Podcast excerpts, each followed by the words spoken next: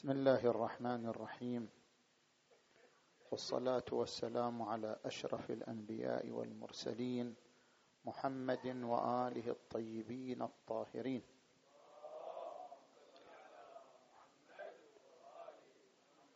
بسم الله الرحمن الرحيم. واجعلوا بيوتكم قبلة وأقيموا الصلاة. صدق الله العلي العظيم. عندما نقارن بين الأسرة في المجتمع الشرقي والأسرة في المجتمع الغربي. قد نرى لأول مقارنة أن الأسرة في المجتمع الغربي تؤول إلى التفكك تؤول إلى الضياع. الشاب والشابه عندما يبلغان السن القانوني سن الثامنة عشر يستفيدان من هذا القانون الاستقلال عن الأسرة والتمرد عن سلطة الأسرة وبالتالي لا يقبلان من الأسرة أي توجيهات أو أي أوامر. الزوجة عندما تفد إلى هذا المجتمع الغربي وترى أن من حقها قانونيا أن تخرج من البيت متى شاءت بلا علم من الزوج أو من أهل البيت. أن ترى من حقها أن تفرض طريقتها وتفكيرها على الأسرة قبلت الأسرة أم لم تقبل؟ حينئذ يؤول ذلك إلى تفكك الأسرة.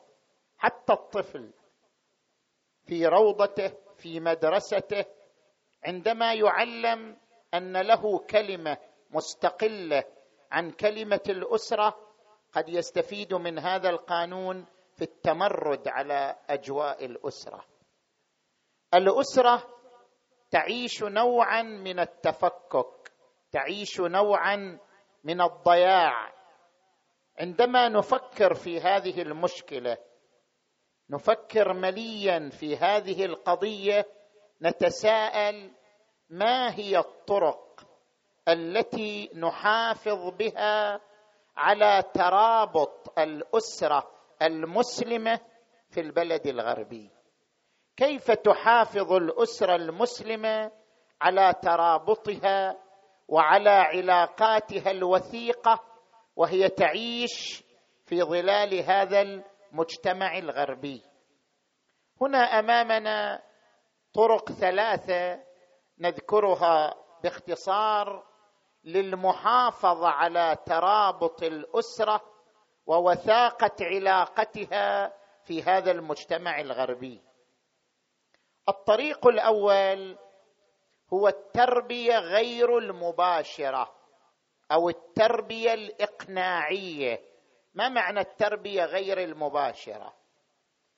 نحن الآباء اعتدنا في المجتمع الشرقي على التربية المباشرة.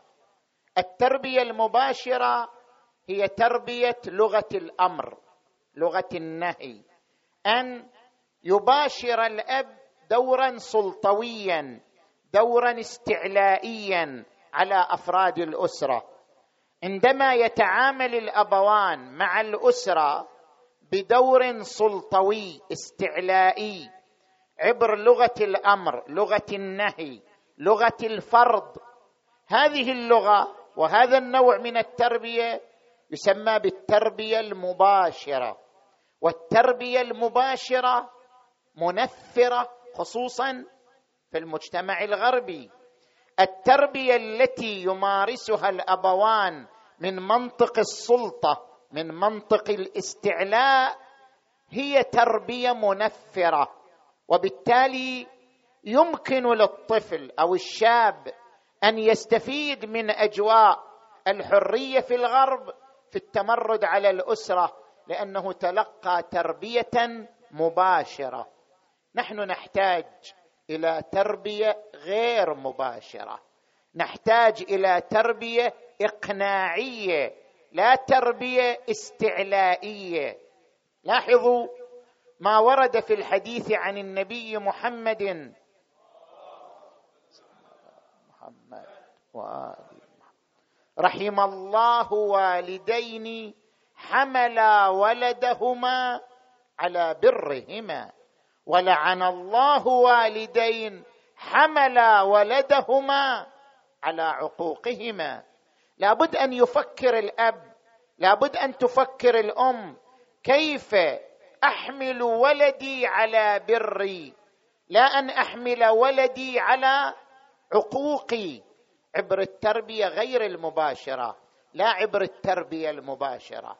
التربية المباشرة عفوا التربية غير المباشرة يلخص لها يلخصها لنا النبي صلى الله عليه وآله في قوله لاعب ابنك سبعا وأدبه سبعا وصاحبه سبعا. السبع السنين الأولى أن تصنع علاقة عاطفية حميمة مع طفلك. الطفل سيد كما ورد عن الإمام علي عليه السلام الطفل سيد سبع سنين له السيادة في البيت يلعب يمرح يفعل ما يريد. لاعب ابنك سبعا كن على علاقة لعب وله وعاطفه حميمه بينك وبين طفلك حتى يشعر طفلك أنك منه وهو منك. حتى يشعر بهذه العلاقة الوثيقة بحيث تبقى هذه العلاقة رصيدا في الكبر رصيدا بعد أن يكبر. يشعر بأن هناك جاذبية بينك وبينه لأنك لاعبته سبعا. ثم تجي المرحلة الثانية وأدبه سبعا. كيف تؤدبه سبعا؟ هنا نتكلم عن التربية غير المباشرة. أن يرى الأدب فيك فيتعلم منك. ليس التأديب بالكلام التأديب بالسلوك. أن يكون سلوك الأبوين سلوكا مؤدبا ليغرس الأدب في نفس الطفل. لا تنهى ولدك عن التدخين وأنت تدخن. لا تنهى ولدك عن الكذب وأنت تكذب. لا انت تنهى ولدك عن التعريض بالآخرين وأنت تغتاب الآخرين. هذا كله تربية مباشرة مضرة. نحن محتاجون لتربية غير مباشرة. أنت تربي من خلال سلوكك من خلال أن الأسرة تراك منذ سبع سنين يراك أبناؤك مؤدبا. صادقا منضبطا ملتزما بالأنظمة. إذا رأتك الأسرة منضبطا ملتزما بالأنظمة كان التزامك تربية غير مباشرة. لاحظوا الإمام أمير المؤمنين وفاطمة الزهراء صلوات الله وسلامه عليهما صامت الأسرة الفاطمية ثلاثة أيام. وعندما يأتي وقت الإفطار الطفل يبادر إلى الصدقة قبل قبل الأبوين. لأن الأبوين علما طفلهما على البذل على التضحية تعليما سلوكيا لا تعليما قوليا. عندما ترى الأبناء الأب والأم يبادرون إلى الصدقة. يبادرون إلى العطاء يبادرون إلى البذل والتضحية يتربى الأطفال على التضحية. وهذا ما يسمى بالتربية غير المباشرة. لا تحتاج أن تتكلم. قدم صدقة ليقتدي بك طفلك. التزم بالآداب العامة. طفلك معك في السيارة. إذا رآك تلتزم بالأنظمة وأنت تمشي في السيارة. إذا رآك تتعامل مع الناس بالأدب واللطف تعلم منك الأدب بتربية غير مباشرة. أيضا التربية الإقناعية لا التربية الاستعلائية. حاول مع طفلك في كل التعاليم أن تبرر له التعليم. الطفل هنا في المجتمع الغربي يحاول دائما أن يفهم قبل أن يفعل. أن يفهم ما يفعل قبل أن يفعل. حاول دائما أن تفسر له الآداب التعاليم النصائح. قبل أن توجه تذكر لك مب... تذكر له مبرراتها فلسفتها أهدافها. أن تقوم تربيتك على إقناعه لا على الاستيلاء عليه. مارس معه دور الإقناع لا دور الاستعلاء. دور الإقناع هو الذي يساهم في تقوية وترسيخ التربية غير المباشرة. نجي إلى المرحلة الثالثة وصاحبه سبعا. إذا بلغ طفلك أربعة عشر سنة تحول إلى صديق له. تحدث معه في أموره الخاصة أموره العامة. ليشعر ولدك ابن الأربعة عشر سنة أنك صديقه. تفهم أوضاعه تفهم مشاعره تفهم عواطفه. إذا شعر ولدك أنك قريب منه تفهم مشاعره وعواطفه. اعتبرك صديقا له أباح لك بأسراره ذكر لك خواطره وقضاياه ومشاكله أما إذا رآك لا.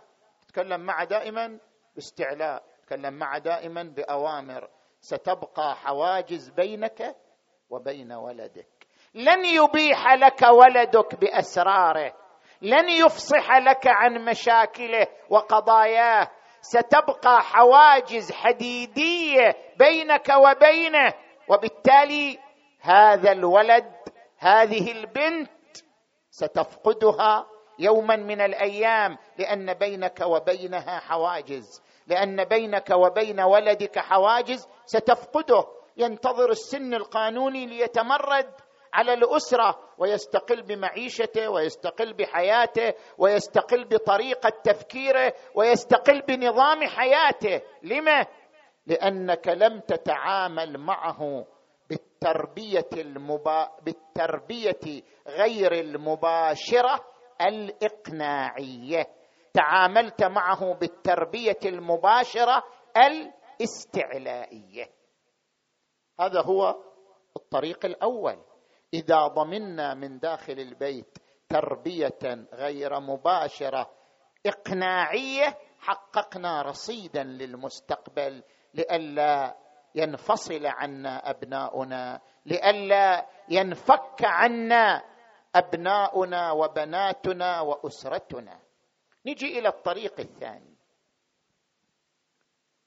ما هي فلسفة الأسرة في الإسلام؟ فلسفة الأسرة في الغرب. لكل منهما فلسفة تختلف عن الآخر. الأسرة مؤسسة لكنها مؤسسة مادية. في نظر الغرب بينما هي في نظر الإسلام مؤسسة روحية. أنت الآن عندما تدخل موظف في أي مؤسسة تجارية تجد أن المؤسسة قائمة على لغة الوظيفة ومعنى أنها قائمة على لغة الوظيفة يعني كل فرد من المؤسسة عليه واجبات وله حقوق.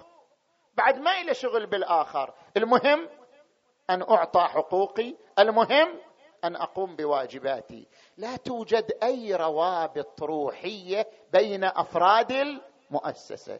جميع أفراد المؤسسة موظفون يتعاملون مع المؤسسة بمعاملة الوظيفة. كل يؤدي واجباته ويأخذ حقوقه. هذا النوع من المؤسسة المادية التجارية هو الذي يتصورها الغرب وين؟ في الأسرة، الأسرة مؤسسة كسائر المؤسسات، كل فرد من الأسرة موظف ضمن الأسرة، له حقوق وعليه واجبات، وبالتالي إذا تعاملت الأسرة بلغة الوظيفة سوف تفقد الترابط بمرور الأيام. إذا تعاملت الأسرة بلغة الوظيفة أعطني حقوقي أعطيك حقوقك. قم بواجباتك لأقوم بواجباتي. إذا تعاملت الأسرة بلغة الوظيفة ستتفكك بمرور الوقت. ستفقد الروابط الإنسانية بمرور الوقت. أما فلسفة الإسلام للأسرة فلسفة روحية. ليست الأسرة مؤسسة تجارية. ليست الأسرة مؤسسة مادية. الأسرة مؤسسة روحية. قائمة على روابط عاطفية على روابط إنسانية يعبر عنها القرآن الكريم الذي جعل لكم من أنفسكم ازواجا لتسكنوا إليها وجعل بينكم مودة ورحمة. مودة ورحمة. الأسرة هي التي تقوم على المودة والرحمة. لا التي تقوم على لغة الوظيفة. وبالتالي فرق بين الفلسفتين تماما. الأسرة بالمنظور الإسلامي مؤسسة تغمرها الرحمة تغمرها المودة. وإذا غمرتها الرحمة ضحى كل فرد في سبيل الآخر. ربما تخطئ علي أنت أنت أخي ابن أمي وأبي في أسرة واحدة. لكن أسامحك لأن ما بيننا من العلاقة ليس هو علاقة الوظيفة بل علاقة المودة والرحمة. إذا أخطأ الزوج أو أخطأت الزوجة أو أخطأ الأخ أو أخطأت الأخت روابط المودة والرحمة هي التي تحفظ بناء الأسرة. بينما لو كانت لغة الوظيفة هي اللغة السائدة بينهم لطالب كل منهما الآخر بإصلاح الخطأ وإلا يفترق عنه وينفك عنه. اذا لا بد من التركيز في أسرنا. ونحن في الغرب بالذات على روابط المحبة والرحمة والحنان والعطف ليشعر كل فرد من الأسرة بأنك تضحي من أجله من أجل أن تبقى الأسرة. ومن أجل أن يبقى بناء الأسرة متماسكا مترابطا شامخا قويا لأن هذه الأسرة تسودها لغة المحبة ولغة الرحمة. انظروا إلى أسرة علي وفاطمة. كيف يفدي كل منهم الآخر؟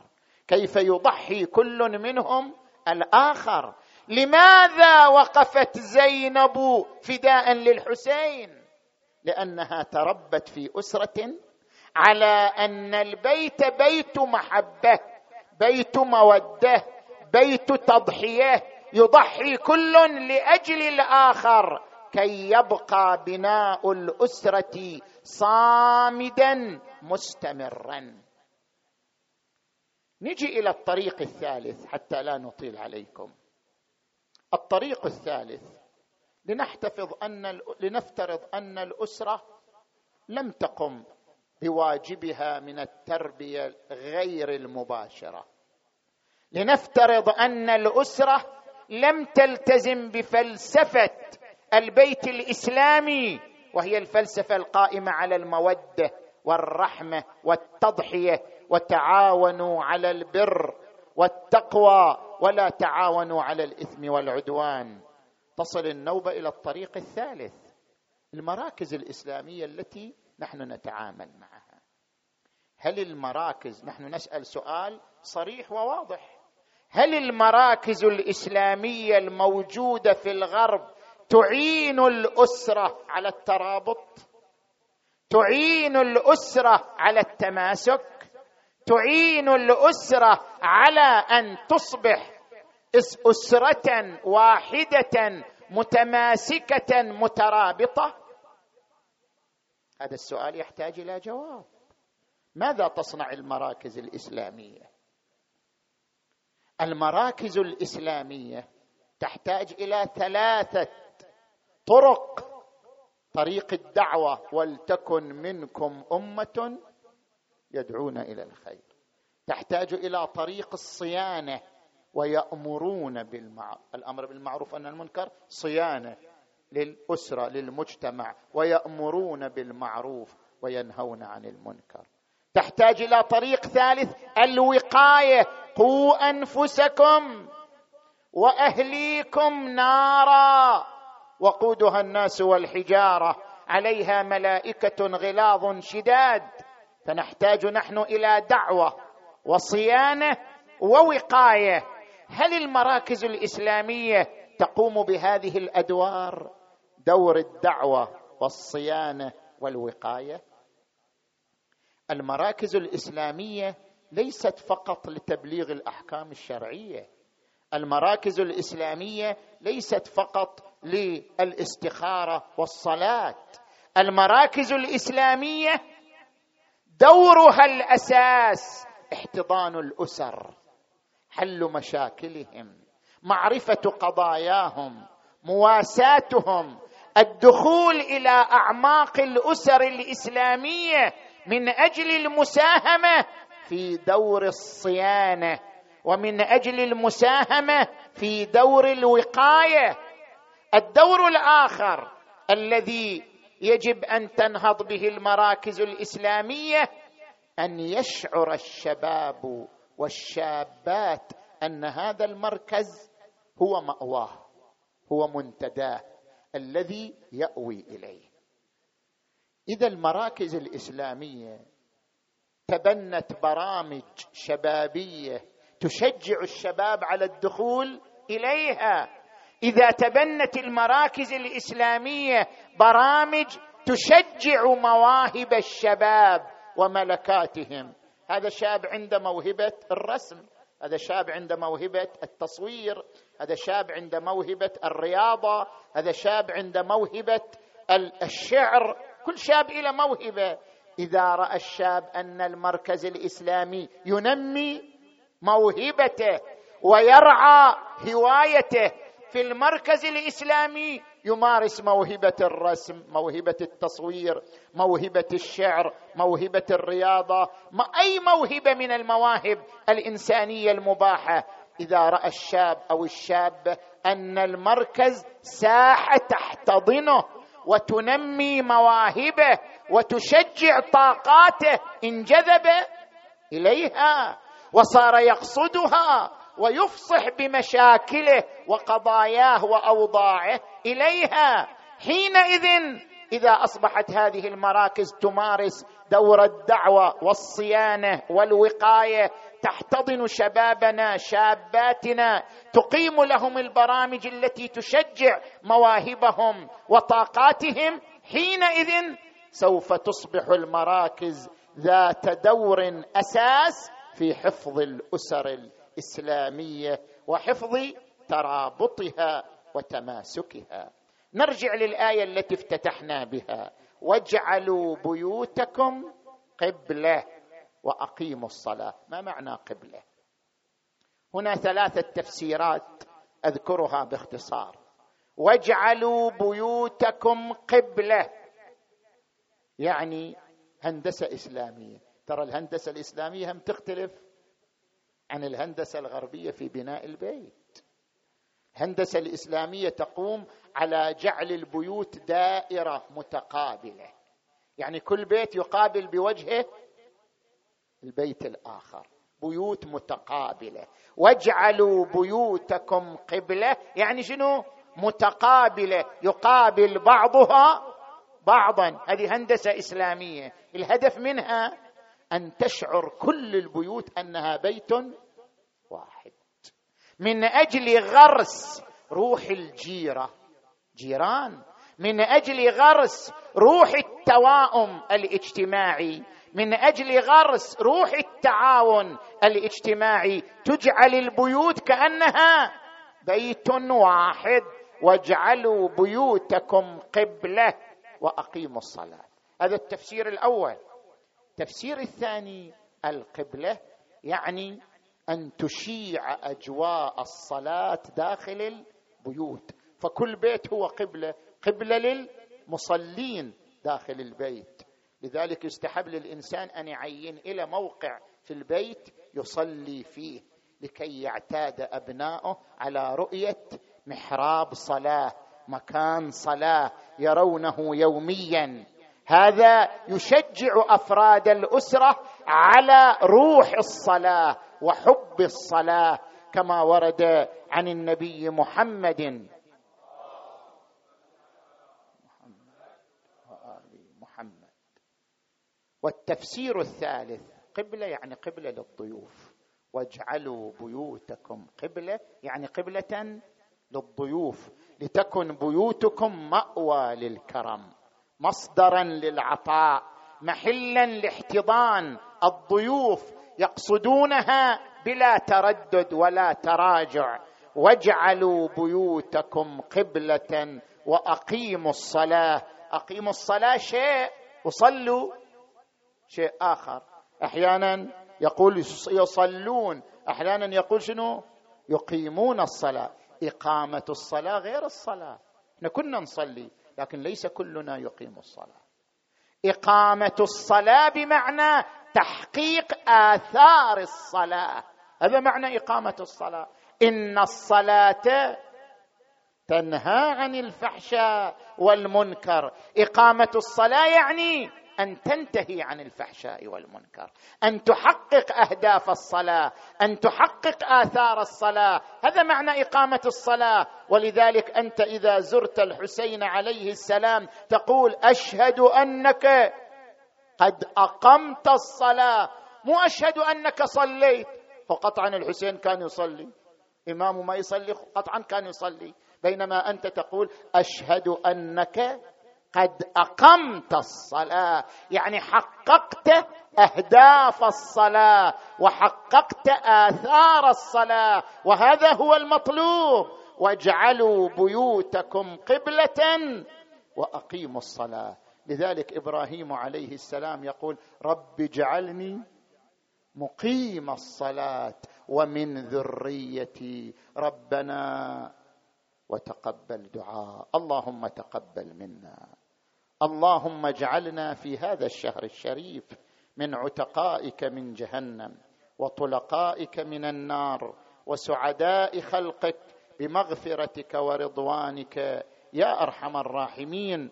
أحينا حياة محمد وآله وأمتنا مماتهم وارزقنا زيارتهم وفي الآخرة شفاعتهم وإلى أرواح أموات المؤمنين والمؤمنات وأمواتكم جميعا. الفاتحة. تسبقها الصلوات.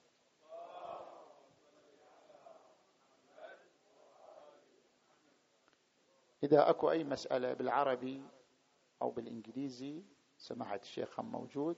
إحنا بخدمتكم مقدار خمس دقائق عشر دقائق تفضلوا بخدمتكم.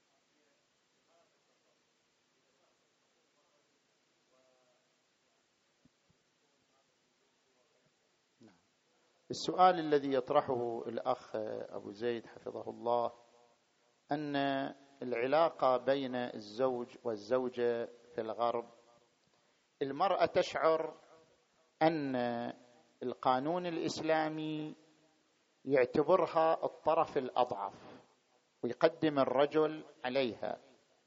لذلك هي في مسألة الطلاق في مسألة حضانة الأطفال هي تلجأ للتمسك بالقانون الغربي لأنه يضمن لها الحضانة ويضمن لها أنها إذا شاءت الطلاق يقوم بإعطائها هذا الحق وإن لم يكن الزوج راضيا. بالتالي هنا يثار السؤال أنه هل فعلا القانون الإسلامي لا يضمن للمرأة حقوقها؟ فعلا القانون الإسلامي يجعل المرأة هي الطرف الأضعف أم لا؟ طبعا القوانين تارة نلاحظها بالعنوان الاولي تارة نلاحظها كما يقولون بالعنوان الثانوي. نجي مثلا الطلاق. بالعنوان الاولي الطلاق للزوج كما ورد في الحديث الطلاق بيد من أخذ بالساق. يعني الطلاق صلاحية الزوج. الرجال قوامون على النساء بيدهم الطلاق. لكن بالعنوان الثانوي تقدر المرأة يصير بيدها الطلاق. وهذا موجود في إيران. تشترط المرأة ضمن عقد النكاح أن تكون وكيله عن الزوج في تطليق نفسها. في ضمن عقد النكاح تشترط ضمن العقد من أول يوم يعني. من أول يوم في ضمن عقد الزواج تشترط المرأة في العقد أنها وكيلة عن الزوج في الطلاق. الطلاق بيده لكن هي شنو؟ وكيلة عنه فإذا اشترطت عليه وقبل الشرط خلاص ما يقدر يغير. أصبحت وكيلة عنه متى ما قالت له في أمان الله؟ في أمان الله. خصوصا إذا إذا البيت بيتها بعد. لأنه لأنه أيضا موجود هناك في القانون الإيراني أنه يعني تقدر تحول انت البيت باسم الزوجة ضمانا لل فإذا تحول البيت باسمها وهي هم وكيلة في الطلاق بعد ما يتحول البيت باسمها بكم يوم؟ يقول لك باي باي يلا. زين؟ فتعمل حقها.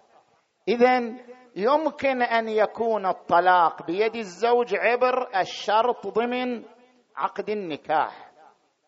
تجي مثلا لمسألة الحضانة. طبعا الحضانة فرق بين الذكر والأنثى عند آه، فقهائنا القدامى.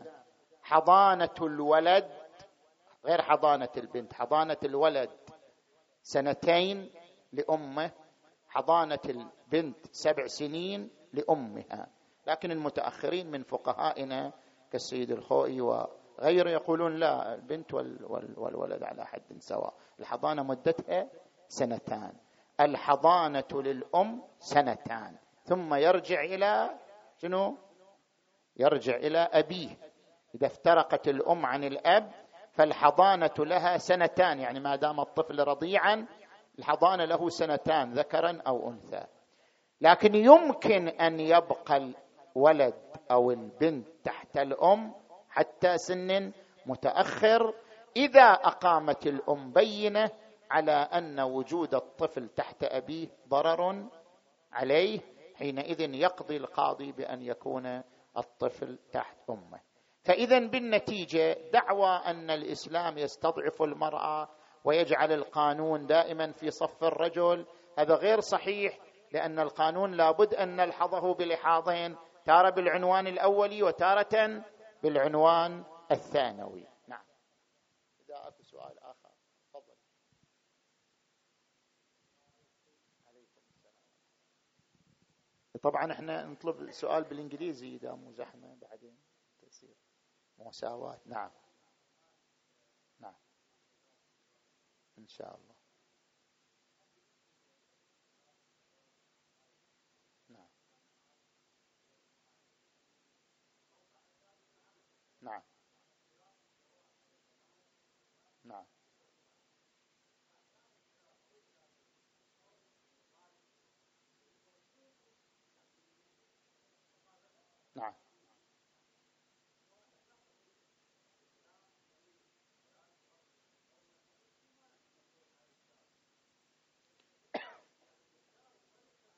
نعم.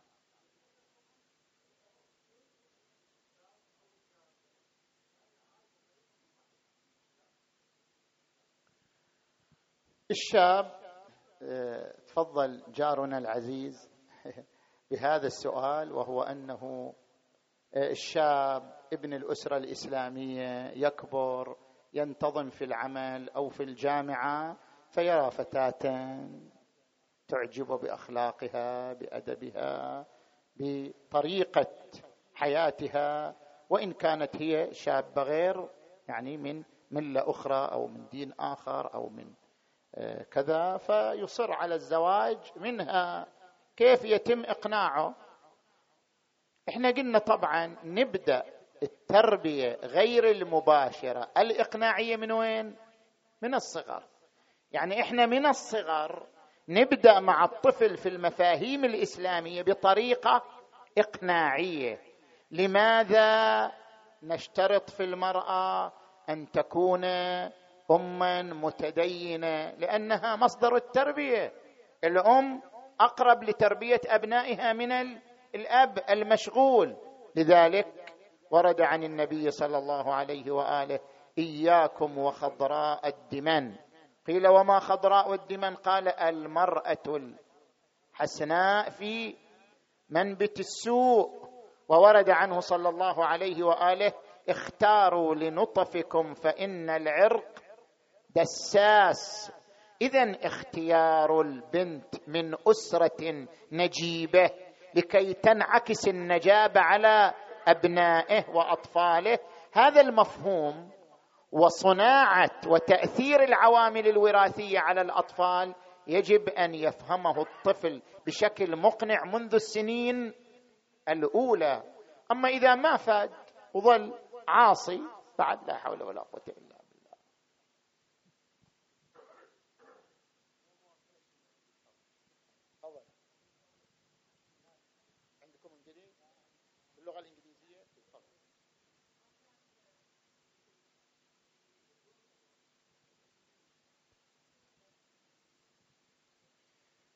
the issue is the same as Samata said, has mentioned about the tarbiyah and upbringing. Because uh, if you plant something which is rotten, then nothing will grow from that plant. Or if it does grow, then the fruit will not be a productive fruit. But if you plant something from the beginning, which has the potential, which has all the nutrients, and you put the soil in the correct way, then naturally the plant that grows and the fruit that comes will be a sweet fruit. So if the youth is to be a role model, the family again are at the responsibility to make sure the plant is a, a fruitful and one of nutrients.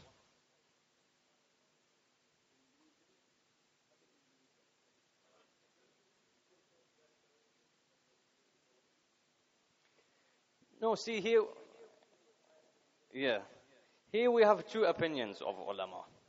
Let's say I ate haram but I didn't know that I ate haram. I ate something haram, but I didn't know that I ate haram. Does it still have the negative effect? So I went to the shop right now, for example, High Street, and I bought meat, and it said halal. It turned out that that meat is actually haram. Does it still have the effect? Some scholars say no, it won't have the effect unless you know. Another group of scholars, majority, they said no, haram food is like poison. Whether I know it is poison, whether I don't know it's poison, I drink it, it will have the effect.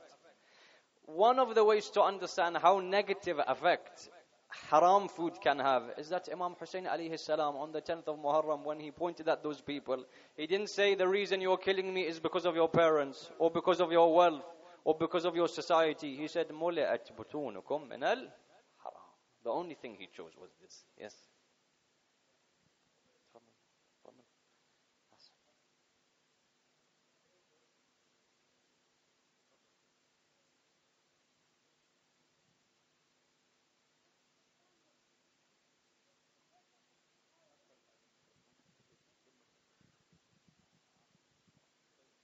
If the family was together, but the child, it's made it go apart, what would happen? So, if the child is not in the correct way, what will happen to the family? Naturally, the role of the family is to bring people together.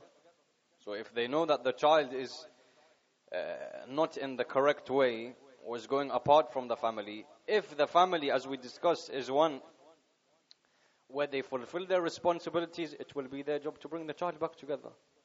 But if the family is one, which we see in many societies that they don't fulfill their responsibility, if the child goes apart, then slowly the next child will also go apart, and the next brother and the next sibling will also fall apart.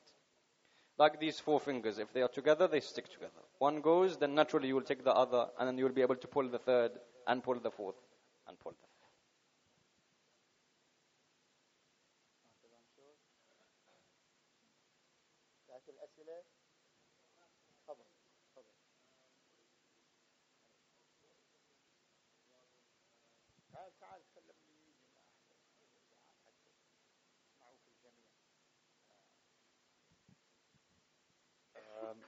Assalamu alaikum.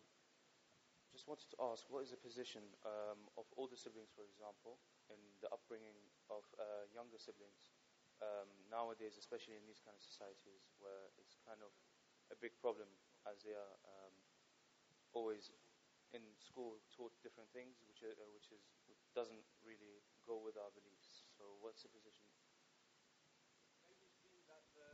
Often they say the older brother is like the father of the younger child. Why? And so you can also maybe even call the older siblings the second father or the second mother. Because of two things. The first is that that child, especially here in the West, the older brother has already gone through the schooling. The older brother has already gone through the same issues. So he can then advise the younger in a better way. Okay, the father, for example, came from Iraq. He doesn't know the schooling system in London. He came from the Middle East. He doesn't know what it's like to live in as a youth in this place. But the older brother or the older sister has this experience. The second thing is why they are so important in the guidance is sometimes the younger child is fearful or embarrassed to speak to the father or speak to the mother. Therefore, that's why we say that the role of the older siblings is like the second father or the second mother.